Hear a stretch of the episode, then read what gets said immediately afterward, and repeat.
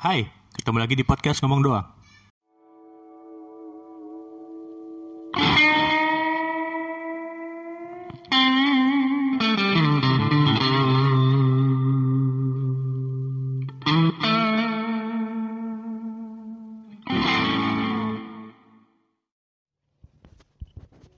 Hai, ketemu lagi sama saya Bagas di podcast Ngomdo.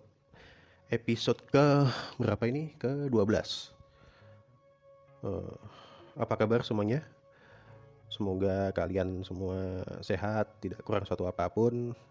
Ya walaupun sebetulnya s- saya berharap kalian juga sama betenya, sama sedihnya, sama jengkelnya kayak saya sekarang. Ya, kenapa ya?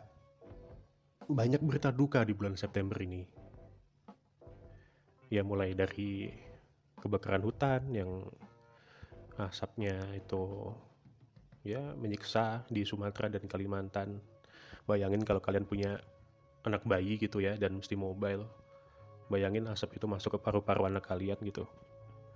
Berbulan-bulan. Ini kan sudah tiga bulan sebetulnya eh, titik api muncul. Kalau nggak salah sejak Juni lah ya.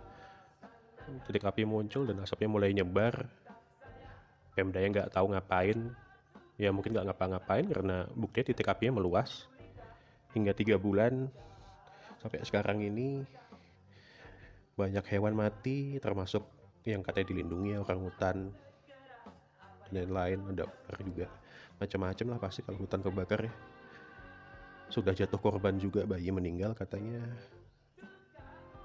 dan yang kelihatan cuman gimmick presiden jalan-jalan nggak pakai masker di sisa hutan kebakar itu. Masih zaman gitu dikasih gimmick receh gitu. Di saat-saat genting yang mengancam kese- keselamatan dan kesehatan warganya gitu. Dan sampai saat ini kan solusinya cuma nangkepin oknum-oknum yang diduga membakar hutan. Tapi solusi untuk asapnya sendiri ya saya belum lihat sih. Kalau kalian lihat tolong kabarin saya ya terus ada yang komentar kemarin orang dari pemerintahan juga itu Singapura sama Malaysia cuman truk-truk doang gak ikut bantu gitu. Ya padahal Malaysia dan Singapura itu udah terdampak asapnya juga gitu loh. Dan dia memang mereka sudah memang memang sudah menawarkan bantuan dan kayak nggak ada respon baik juga dari pemerintah sini. Gimana dong?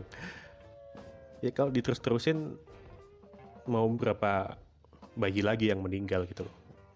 Mau berapa lagi janin yang harus digugurkan. Dan ya berapa lagi yang harus kena ispa gitu.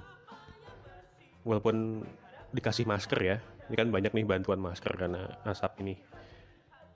Ya walaupun dikasih masker seberapa ampuh sih masker itu? Kalau udara yang kamu terpaksa hirup tiap hari itu memang udah beracun gitu loh.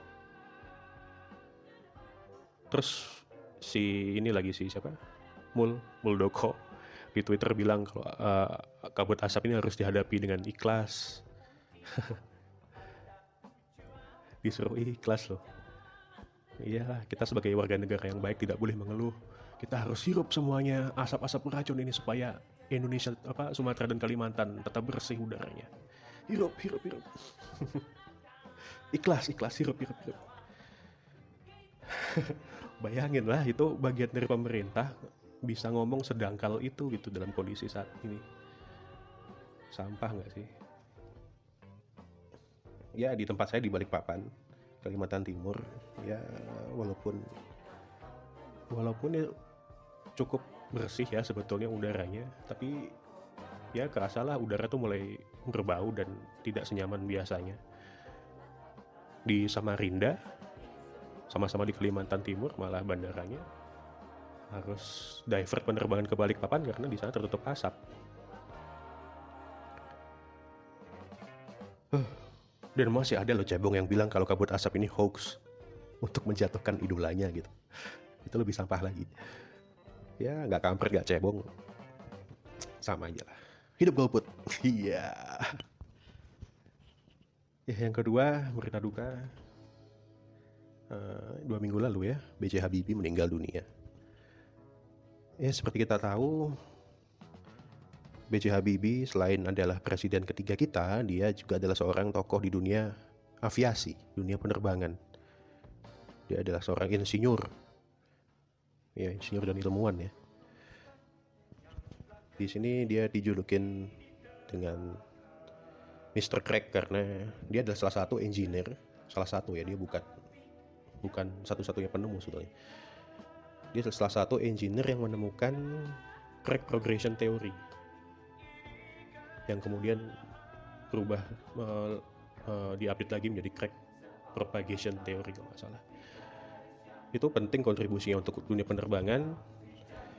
Uh, kenapa penting? Karena pada saat itu pemerin, uh, perusahaan aviasi lagi apa ya lagi balapan gitu untuk bikin pesawat yang terbesar dan tercepat tapi ternyata banyak terjadi kecelakaan karena material pembangun pesawatnya justru kalah dengan ukuran dan kecepatan yang ingin dicapai gitu.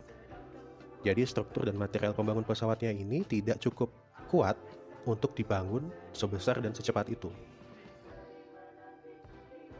Nah, temuan Habibie ini menghitung bagian pesawat mana yang paling dulu retak ketika pesawat itu dibangun lebih besar dan dilajukan dengan lebih cepat gitu.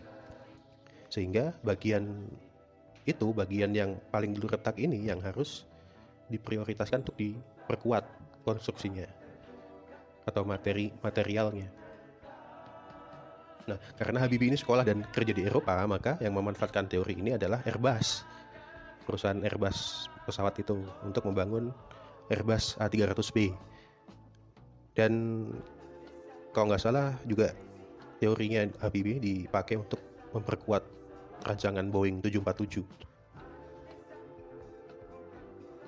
ya saya masih banyak ya. Ada, banyak setahu saya kalau ngelihat di internet tentang progression teori ini.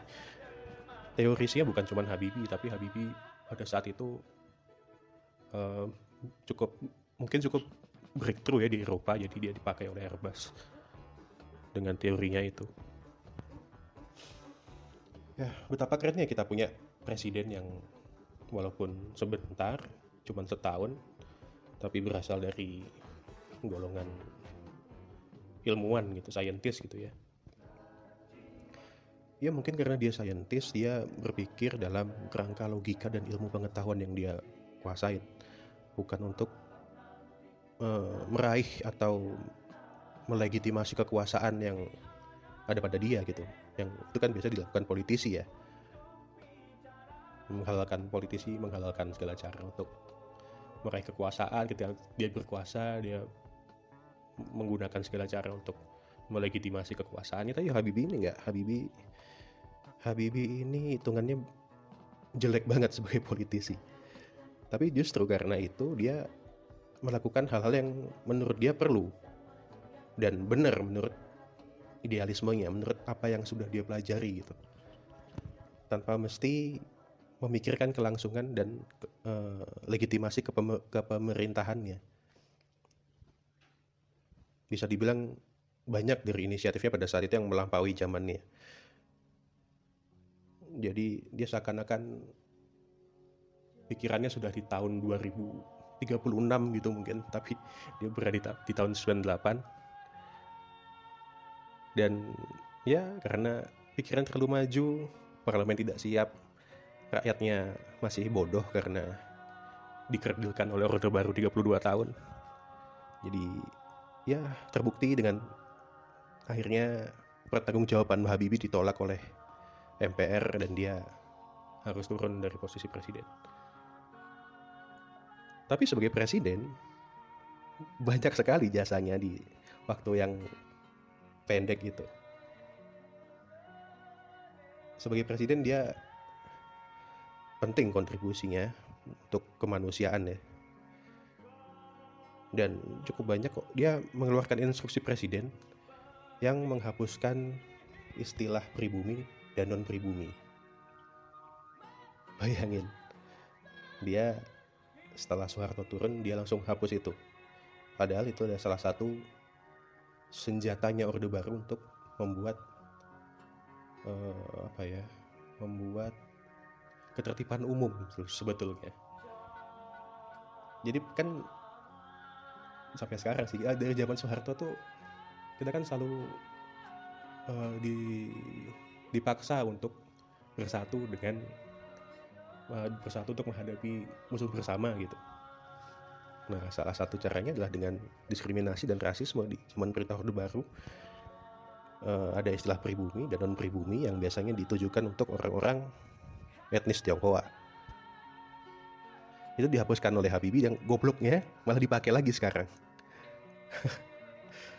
Gara-gara pilpres bajingan itu.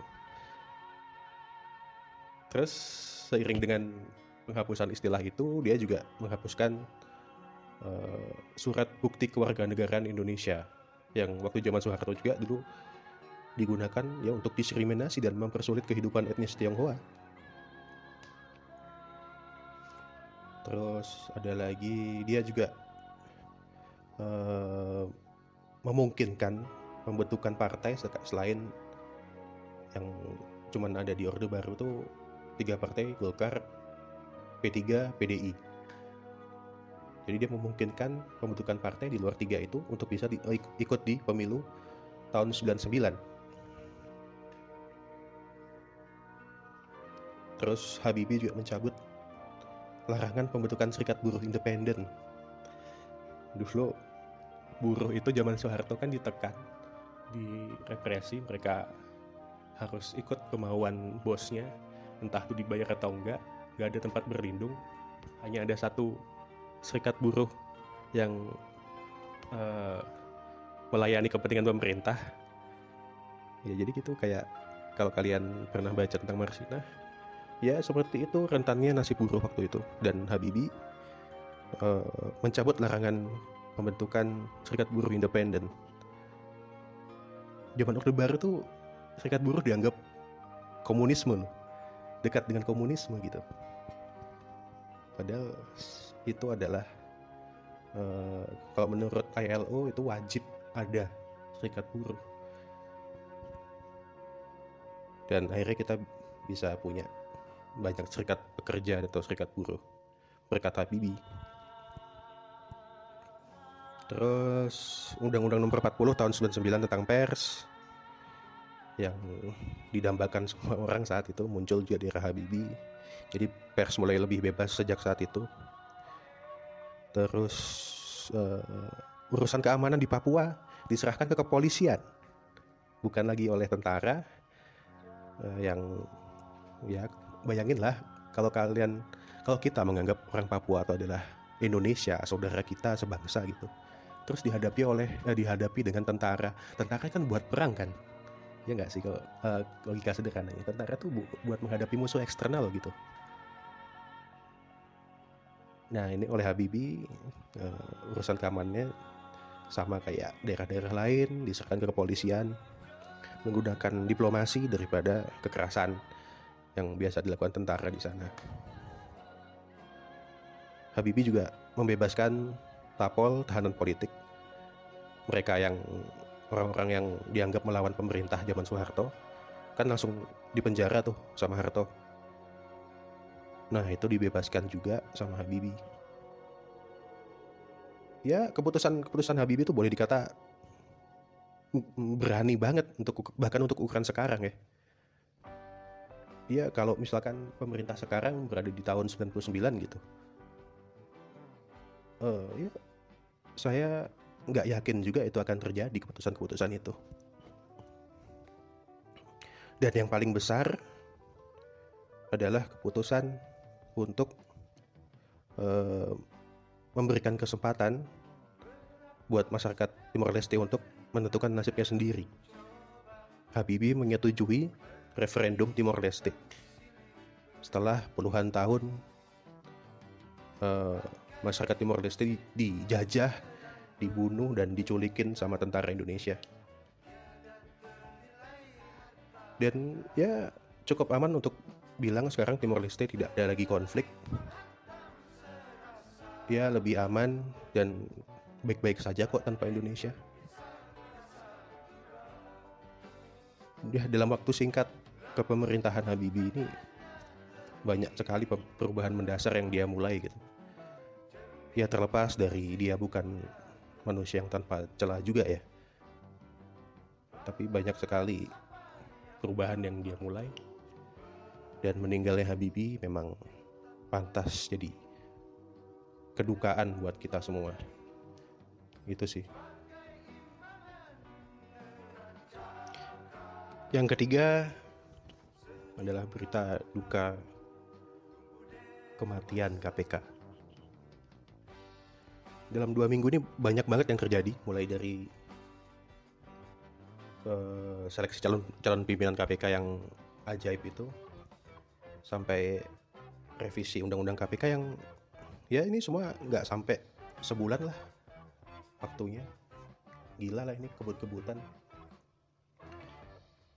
dan kompak gitu semua kayak semua kayak tidak ada perdebatan padahal ya kita tahu sendiri DPR kita tuh mandul untuk urusan-urusan undang-undang yang isinya kemaslahatan umat gitu. Tapi ini jika sampai sebulan bisa beres. Ajaib lah kenapa ajaib? Pertama presiden memilih sendiri panitia seleksinya panitia seleksi capim KPK ini. Tanpa ada pembicaraan dan wacana publik dan terpilihlah di antara uh, panitia seleksi tadi ada salah satunya ada penasihat Polri yang dikhawatirkan menimbulkan konflik kepentingan ketika dia jadi anggota panitia seleksi gitu. Ya bayangin lah uh, gimana kita bisa percaya sama orang yang dipekerjakan oleh kepolisian terus dipilih jadi panitia seleksi yang di mana uh, dalam seleksi itu uh, ada peserta juga dari kepolisian gitu.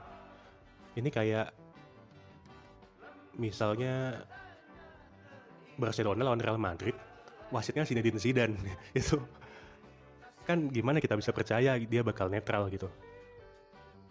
Dan terbukti setelah disaring dari 20 jadi 10 kemudian 5 besar tetap ada calon dari kepolisian yang justru pernah tersandung kasus etik ketika bekerja di KPK gitu. Bahkan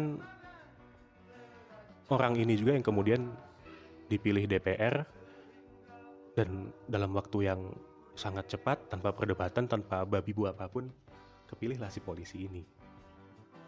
Dan sialannya ketika dia nanti jadi ke, uh, pemimpin KPK, dia nggak harus melepaskan jabatannya, jabatan kepolisiannya gitu.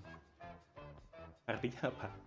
Artinya ketua KPK KPK eh, berada dalam kontrol kepolisian di mana kepolisian adalah lembaga yang korup. Aku uh, gimana saya saya nggak nggak percaya sama kepolisian gitu loh. Kalau kalian bisa percaya sama institusi kepolisian ya hebat. Hebat sekali. Bisa memastikan dalam kepolisian tidak ada korupsi itu hebat sekali. Terus seiring dengan pemilihan calon pimpinan itu ada revisi undang-undang KPK yang disidang, disidangkan cuma dua minggu. Yaitu dari DPR kita yang selama bertugas lima tahun ini produk legalnya cuma dikit. Males-malesan gitu kan tiba-tiba muncullah revisi undang-undang KPK ini tanpa ada tarik menarik sama sekali. Biasanya kan kalau bahas yang lain gitu ada oh tidak setuju walkout apa lah ini enggak semua setuju langsung sah ketok ketok palu gitu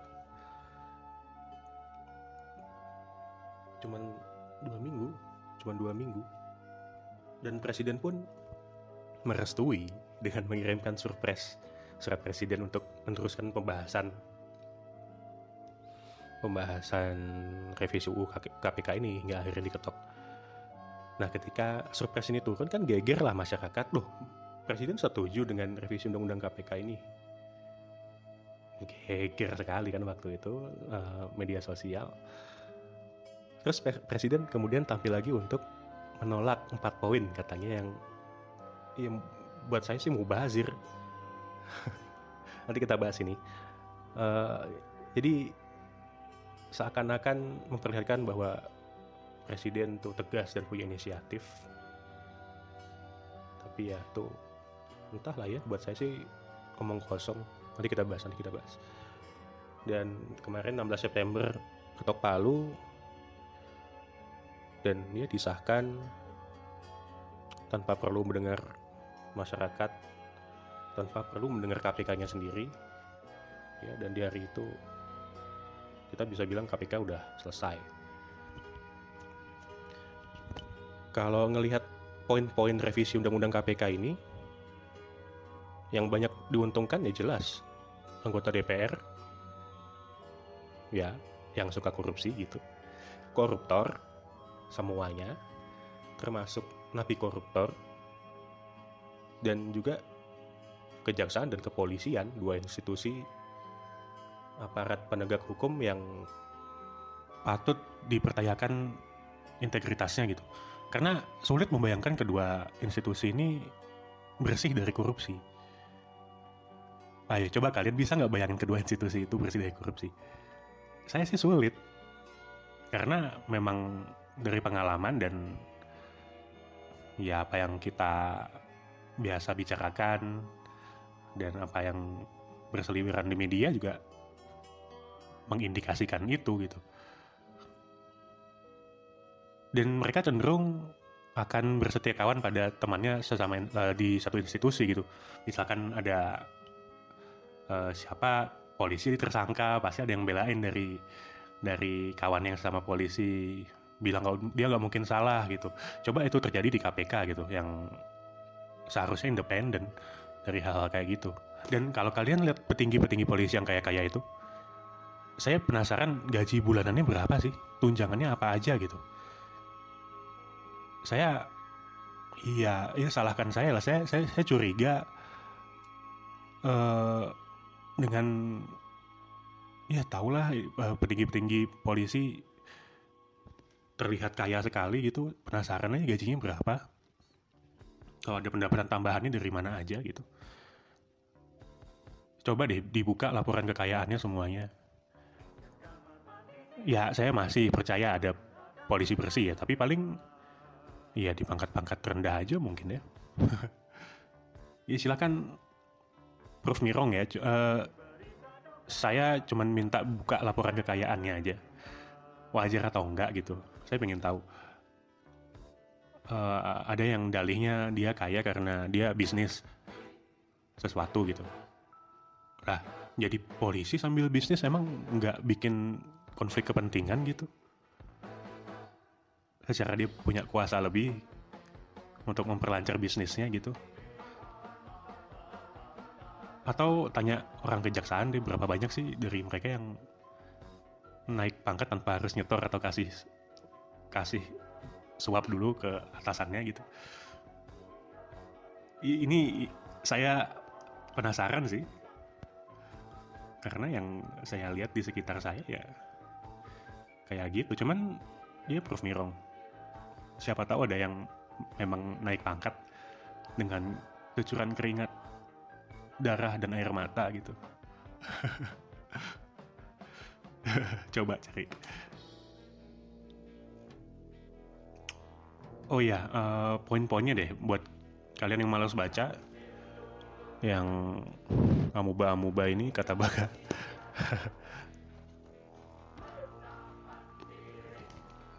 si Bagawat Sambada di paguyuban Palitan Meeting kan suka bilang amuba buat penontonnya. Uh, ya kita bahas aja di sini sekalian. Biar pada paham lah bencana apa yang sedang kita hadapi sekarang. Yang pertama, korupsi sekarang nggak lagi dilihat sebagai kejahatan luar biasa sebelumnya kan dengan ada KPK, KPK dibentuk karena korupsi dianggap sebagai extraordinary crime, crime kejahatan luar biasa. Tapi sekarang enggak. Jadi di revisi undang-undang KPK itu ya sama aja lah. Cuman jadi serious crime, bukan extra bukan extraordinary crime. Jadi tersangka korupsi nanti diperiksa dengan undang-undang pidana, bukan undang-undang KPK lagi. Bukan undang-undang tipikor. Jadi korupsi sekarang tingkatannya sama recehnya kayak maling ayam gitu. kedua pimpinan KPK bukan lagi penanggung jawab tertinggi di KPK dilucuti wewenangnya jadi dia nggak bisa lagi memberi perintah penyelidikan nggak bisa lagi uh, bikin perintah penyidikan penuntutan penangkapan gitu. Pimpinan KPK udah nggak bisa nggak bisa melakukan itu lagi. Dan lihat saja itu siapa pimpinan KPK sekarang. Ketiga wewenang KPK untuk menggeledah menyita dan menyadap jadi sangat terbatas karena KPK harus izin dulu sama Dewan Pengawas dan juga jangka waktu penyadapan tuh dibatasi jangka waktu penyadapan dibatasi dan hanya bisa diperpanjang satu kali.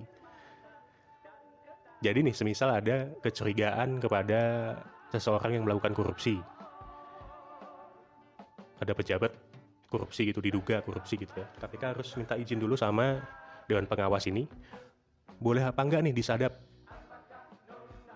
Terus setelah izin ya, izin sama Dewan Pengawas, ya gak tau lah, ini Dewan Pengawas siapa aja kan.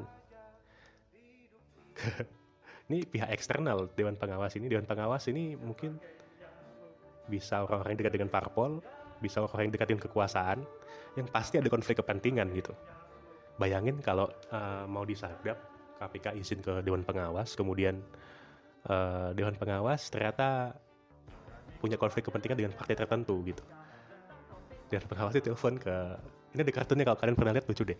Uh, dewan pengawas uh, lapor ke petinggi parpol. Eh ini nih mau disadap boleh nggak? Kata parpolnya. Eh nggak boleh lah itu kan teman gue gitu. Terus mau apa? Nggak bisa disadap surat izinnya nggak turun. Dan ini surat ini harus dengan surat izin tertulis loh bukan bukan oh ya silakan gitu. Enggak ini harus tertulis. Bayangin birokrasinya bikin surat izin tertulis itu gimana apa gunanya ada KPK kalau me mekanismenya jahanam kayak gini tuh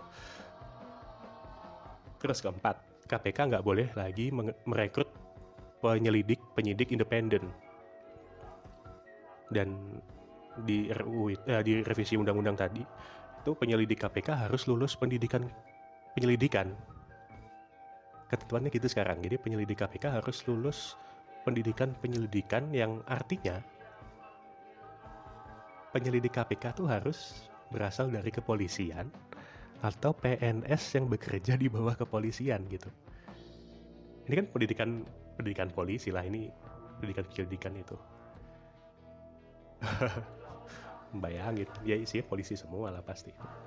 Tinggal polisi sama kejaksaan kasarnya gitu, gak ada yang independen lagi lah. Kata polisi, korsa bro gitu. Sesama temen gak boleh diperiksa bro kata polisinya. Padahal ya jorok lah pokoknya ini. Yang kelima pegawai KPK akan diangkat jadi PNS atau uh, sekarang namanya ASN ya. Jadi pegawai KPK akan diangkat jadi ASN ya bagus berarti pegawai KPK harus nurut kata atasan ya kan? Kalau atasannya korup ya diem aja lah. Atasan masa dituduh korupsi siapa sih atasannya ASN ya hancurlah independensi KPK itu. Terus keenam Dewan Pengawas yang tadi disebut itu nggak cuma supervise dan evaluasi kerjaan KPK aja cuman uh, dia juga tapi juga masuk ke keseharian teknis penanganan perkara ya. Bayangin itu intervensi yang sangat jauh berarti. ya itu semakin jelas lah busuknya Dewan Pengawas ini. Dewan Pengawas intervensi yang sangat kotor lah menurut saya. Terlalu jauh masuknya. Dan jelas karena dia adalah pihak eksternal yang diselusupkan di dalam KPK dia pasti punya konflik kepentingan dia taruhan berapa sih enggak ya artinya independensi independensinya KPK itu ya sudah habis ya KPK itu dibikin supaya kita punya badan yang independen kok sebagai alat negara untuk memberantas korupsi gitu. Terus poin ketujuh jadi KPK sekarang tuh melakukan penyidikan dan penuntutan. Itu dibatasi cuma dua tahun aja. Jadi kalau dalam jangka waktu itu tidak ada perkembangan kasusnya dihentikan. Dua tahun. Artinya kasus-kasus besar yang rumit yang uh, terstruktur gitu ya benar-benar dalam skala besar di mana uh, si penjahat si koruptor ini sangat-sangat licin. Kayak kasus ektp kemarin itu ya nggak bakal kesentuh. Kasus ektp ini bisa berhenti ini setelah undang-undang ini sah ektp ini dibuat bancak dibuat bancakan se DPR sih soalnya ya. Jadi ya wajar. Uh, ektp itu kalau nggak salah dari mulai tahun berapa 2015 sampai sekarang juga kan ini nggak selesai gitu. Padahal yang diurusin adalah korupsi yang nilainya itu adalah kejahatan luar biasa extraordinary crime sedangkan polisi dan kejaksaan bisa melakukan penyidikan dan penuntutan untuk kasus luar korupsi itu nggak ada jangka waktunya. Ya makanya dari awal mereka bilang kalau korupsi udah bukan lagi kejahatan luar biasa supaya bisa diperlakukan seperti ini gitu. Ya gitu deh. Kalau kalian nggak jijik sama revisi undang-undang KPK ini entah kalian emang bodoh penyembah berhala atau memang niat maling sorry sih ini ini sulit untuk nggak berpikiran kayak gini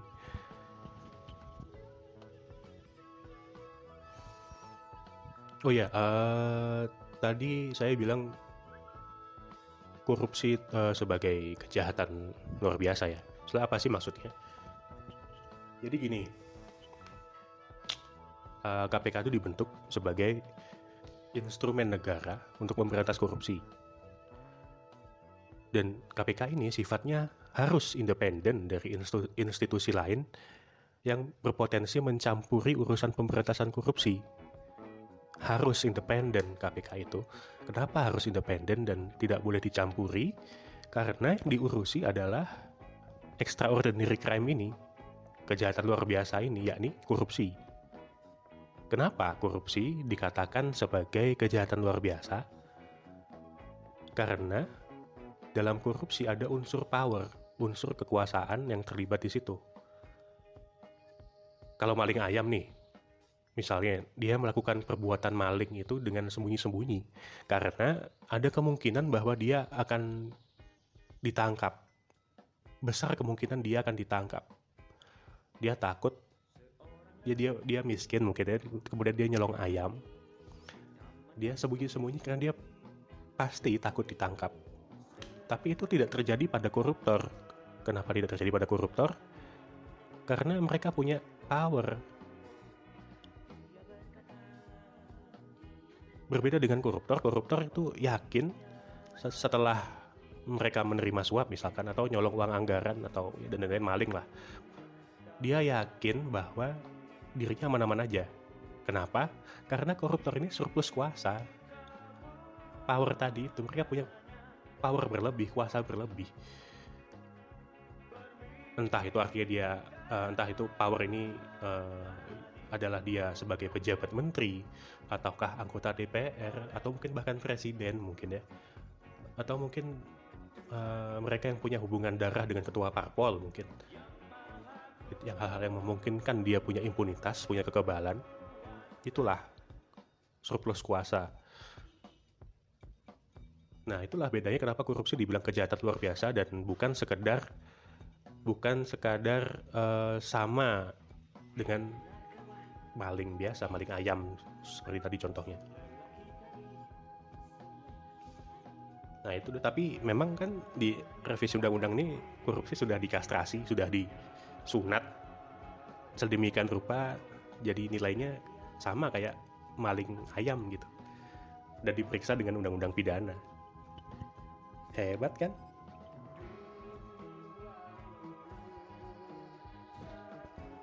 Kedua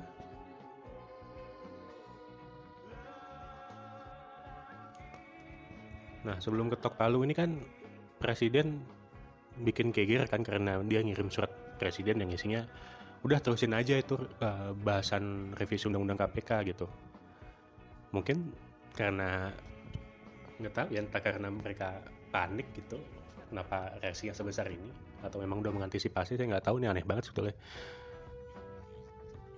iya karena geger itu kemudian ada konferensi pers dari presiden yang sepintas kalau dilihat kayak dia seakan-akan menolak revisi undang-undang KPK. Ada empat poin yang katanya dia tolak. Dari empat poin itu, dua poin yang menurut saya bikin gemes gitu. Uh, gemes. Dia bilang KPK tidak perlu minta izin pihak ekster, uh, pihak eksternal seperti pengadilan katanya untuk melakukan penyadapan itu. Nggak perlu minta minta izin eksternal, uh, eksternal ini dimaksudkan kayak pengadilan gitu katanya. Tapi cukup minta izin dewan pengawas aja kata Jokowi kayak gitu. Lah di draft undang-undangnya emang KPK harus dapat izin tertulis dulu dari dewan pengawas untuk melakukan penyadapan. Apa aja yang ditolak gitu. Dia cuma nambah-nambahin pengadilan itu. Ya intinya nggak ada yang bilang pengadilan. Emang di undang-undang revisi undang-undang KPK itu bilangnya harus izin dewan pengawas Dewan Pengawas ini nggak pernah ada sebelumnya. Dan Jokowi setuju itu gitu loh. Dan ini izin tertulis ya, catat tertulis. Izin tertulis. Ini udah mengandung urusan birokrasi yang bisa diulur-ulur gitu. Dan ya apa yang ditolak gitu. Ya intinya dia setuju dong bahwa KPK harus dibatasi wewenangnya untuk melakukan penyadapan. Padahal penyadapan itu diperbolehkan. Nih kita kita uh, sebagai warga sipil kan nggak boleh disadap nih. Ini kan urusan privasi negara harus menjaga, uh, menjaga privasi warga negaranya bener. Tapi karena korupsi itu adalah extraordinary crime, penyadapan itu diizinkan, diperbolehkan karena yang dihadapi adalah penjahat luar biasa gitu loh. Penjahat penjahat dengan surplus ke kekuasaan tadi.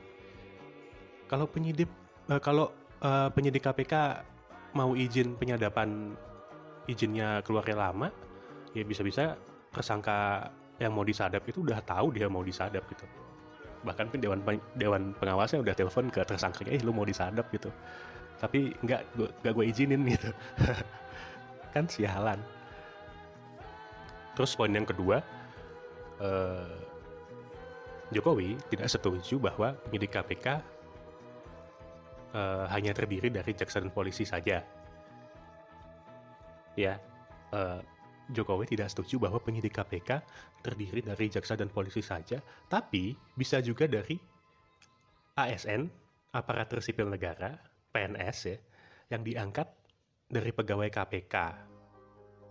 Yaitu, apa bedanya? Apa yang ditolak gitu? Nggak ada yang ditolak karena di revisi undang-undang juga bilang bahwa uh, pegawai KPK akan uh, berasal dari ASN dan menurut Jokowi pegawai KPK uh, eh, dijadikan ASN dengan proses rekrutmen yang jelas. Jadi ini ya ya sama aja bohong. Nggak ada yang ditolak sebenarnya di dua poin ini. Dan lebih dalam lagi artinya nggak ada penyidik independen. Ya tinggal tinggal kalau kita uh, flashback ke pembicaraan yang tadi, penyidik KPK itu tinggal terdiri dari jaksa, kepolisian, dan ASN yang kerjanya di bawah kepolisian gitu. Gak ada penyidik independen. Ya kalau nggak ada penyidik independen artinya nggak ada independen nggak ada independensi KPK lagi. Iya kan? ASN kok nuduh korupsi ya dipecat dia. dua poin ini justru yang fundamental dan seakan-akan dengan konferensi persnya itu seakan-akan ditolak oleh Jokowi. Padahal kalau kalian ya cebong-cebong ini sorry kalau kalau mau teliti membaca itu aduh ini kibul-kibulan gitu loh.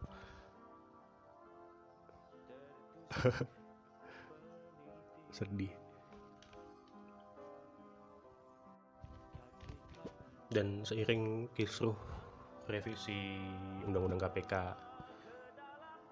kemarin ini sampai sekarang ya itu akan ada isu yang dimainkan dengan cara yang buat saya cukup menjijikkan. Ini isu polisi Taliban. Ini isu yang waktu saya dengar itu, itu saya pikir eh, ini lucu sekali itu ada tuduhan polisi Taliban di KPK jadi seakan-akan KPK KPK itu dikuasai oleh kelompok pendukung khilafah ingin menjadikan dasar negara kita sebagai negara Islam dan lain-lain. Wah, itu itu lucu sekali, tapi entah kenapa banyak entah bagaimana proses berpikirnya banyak ternyata orang yang percaya dengan hal itu termasuk ya orang-orang di timeline saya ya yang sudah saya saya sudah duga akan mudah percaya hal-hal seperti itu tapi kalau uh, kaum-kaum yang intelektual beneran seperti inilah ini Wahid atau uh, seperti Najwa Shihab misalkan ya saya percaya lebih percaya intelektual beneran lah daripada yang biasa disebut budayawan-budayawan ini.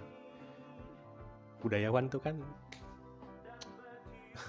ini mau ngomong kok kayak kejam tapi buat saya istilah budayawan itu adalah istilah keren untuk pengangguran yang punya tempat di media gitu. Tapi ditanyain kerjaannya apa sih nggak jelas gitu. Tapi disebut budayawan kayak keren padahal sering kali bosok. Kayak Ridwan Saidi itu katanya Sriwijaya dari uh, dari bahasa Armenia gitu. Oke, ini kembali lagi ke bahasan polisi Taliban ini. Ini polisi Taliban ini isunya langsung eh, ada yang langsung menunjuk kepada novel Baswedan gitu loh. Menuding dia bagian dari gerakan Islam radikal yang ingin mengubah, yang ingin menguasai KPK. Ya ini logika goblok aja sih menurut saya ya. Karena satu emang apa sih yang disebut dengan kelompok radikal itu?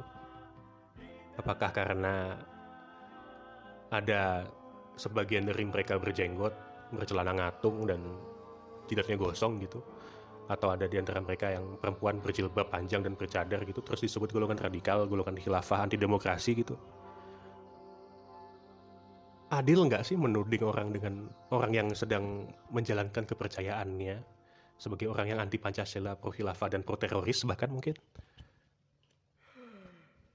Ini kan sadar gak sih ini tudingan yang rasis dan diskriminatif gitu loh. Gak semua orang yang celana ngatung, jenggotan, dan jidatnya gosong itu simpatisan HTI. Gak semua. Gak semua dari mereka tuh adalah bagian dari kelompok intoleran.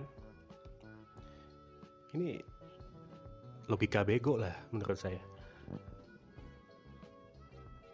Bahkan deh kalau kalau uh, ngelihat stereotipe uh, celana ngatung jidat gosong jenggotan saya punya teman dengan stereotip itu. Dan dia main saham dia bisa guyonan jorok juga. Dan dia nggak percaya khilafah. Ada kok. Ada kok. Kalau kalian punya pola pikir yang diskriminatif kayak tadi ya berarti otaknya yang bermasalah gitu loh.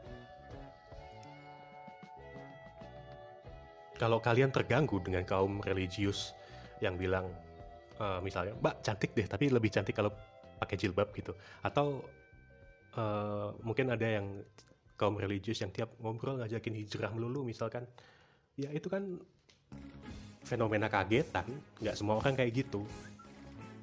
Kalau kalau kata Panji ini fenomena pubertas. Banyak orang yang barusan religius yang dalam masa pubertas religius ini jadi itu tukang khutbah gitu. Sama kayak kaum pubertas nasionalis yang ya kita kan dalam masa pubertas nasionalis ya kita mungkin dikondisikan selalu dalam kondisi pubertas nasionalis. Jadi uh, setiap isu ditanggepin dengan jargon NKRI harga mati gitu. Sama sama. Ini cuma fenomena kagetan aja dan nggak semuanya orang kayak gitu. Teori polisi Taliban ini culut lah. Iya kan? Nggak semua orang uh, yang religius ini sedang dalam masa seperti itu tidak semua orang yang dengan yang uh, sama dengan stereotip yang kita bayangkan itu akan berpikiran sama seperti yang kita bayangin enggak. Kedua kalau memang KPK dikuasai kaum radikal kok korupsi di Kementerian Agama diusut juga? Kok ada OTT terhadap kader, kader partai Islamis juga jadi logikanya nggak nyambung kan? Logika polisi Taliban ini nggak nyambung karena ternyata polisi Taliban ini cukup berkomitmen kok kepada pemberantasan korupsi. Banyak kok OTT yang dilakukan.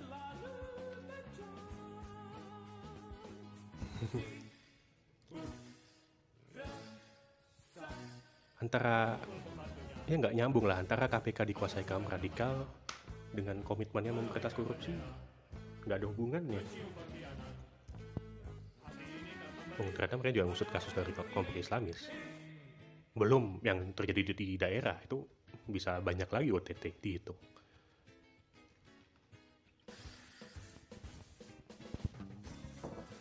oke itu deh. Hmm, mau oh iya tambahan. Uh, se seenggaknya yang saya rasain ya sejak hmm, nggak hmm, tahu sih uh, sejak paling nggak sejak isu Papua Agustus kemarin dan isu KPK sekarang saya ngelihat banyak uh, akun bot yang uh, diset untuk mensukseskan propagandanya pemerintah gitu. Oke, saya sih bilangnya itu buat-buat nasionalis. Cuman ketika saya komentar tentang uh, hak asasi manusia misalkan di sebuah grup atau saya uh, sharing, saya share uh, postingan Veronica Koman misalkan, itu akan ada beberapa akun bot yang muncul gitu. Akun bot, akun bodong, akun-akun nggak jelas yang muncul dan ikut komentar uh, profile picture-nya anime gitu ya atau gak jelas siapa pemandangan gitu. Komentarnya kayak sudah template umpatan-umpatan dan lain gitu. Ini kayak harga mati kayak gitu-gitu. Tapi kalau kita lihat profilnya profilnya itu sering kali dibuat mungkin dua tahun dua tahun lalu antara dua tahun lalu atau mungkin bahkan baru sekali. Tidak ada postingan yang jelas di situ. Hanya paling ganti profile picture gitu tapi nggak ada postingan yang pasti. Hmm, friendnya juga saling bertaut satu sama lain. Jumlahnya nggak banyak. Tapi mereka tiba-tiba muncul dan masuk di timeline kita. Kalau nggak kita ya saya sih nggak nggak saya protek ya. Belum saya protek sih waktu itu. Uh, Facebook saya. Dan di Twitter kayaknya lebih banyak lagi itu akun buat akun bot dan akun-akun abal-abal akun, akun bodong ini. Sejak isu Papua kemarin isu KPK ini juga uh, kalau nggak salah Tempo juga merasakan serangan akun-akun bot ini gitu loh. Dan bayangin ketika pemerintah mulai memanfaatkan akun-akun bot kayak gini untuk melegitimasi kekuasaannya bisa bayangin nggak betapa mundurnya demokrasi kita bahwa pemerintah merasa bisa mengontrol rakyatnya dengan hembusan komentar-komentar dari akun-akun bot ini. Ya, udah selesai lah kita sebetulnya. Kita mundur, saya pikir kita mundur 20 tahun yang lalu ya. Ini kemunduran, kemunduran sejauh 20 tahun yang lalu. Kita seakan-akan masih berada di tahun di tahun 99 ya walaupun KPK muncul baru zamannya Megawati ya. Dan dibunuh di era Jokowi. Ironis sekali. Ya tapi seakan-akan ini mundur 20 tahun. Ketika saya pikir uh, kita mundur 20 tahun ternyata RKUH, RKUHP yang lagi digodok DPR sekarang dan di bulan ini akan disahkan tuh isinya lebih brutal lagi gitu bahwa Marxisme dan Leninisme hanya boleh dipelajari di universitas itu orde baru tahun 66 ya ampun itu kita mundur 50 tahun lalu gitu loh. Ini kemunduran 50 tahun yang lalu belum yang aborsi itu tidak boleh dilakukan bahkan untuk korban pemerkosaan itu. Bayangin betapa pedihnya seorang perempuan yang diperkosa dan hamil kemudian harus melahirkan anaknya yang entah dari siapa ayahnya. Ayahnya adalah orang yang bukan yang dia cintai. Ya pasti sebagai seorang ibu dia akan mencintai anaknya tapi bukankah setiap perempuan ingin punya anak dari orang yang dia cintai gitu? Bukan dari orang nggak jelas. Itu deh jadi ya nggak tahu. Ini bendera saya di depan masih setengah tiang sih mungkin entah sampai berapa lama. Mungkin harus itu tentara dulu saya baru saya turunin. Di bendera setengah tiang. Ya. Saya masih banyak yang mau saya keluhkan di sini. Cuman ya mungkin kalian juga sudah capek. Saya juga sudah entahlah. Semoga kita selalu dapat kekuatan untuk bisa optimis walau kadang-kadang terlalu optimis terlalu optimis itu lucu kadang-kadang. Oke lah kita jumpa lagi. Ini sorry ya ini agak bindeng suara saya lagi pilek.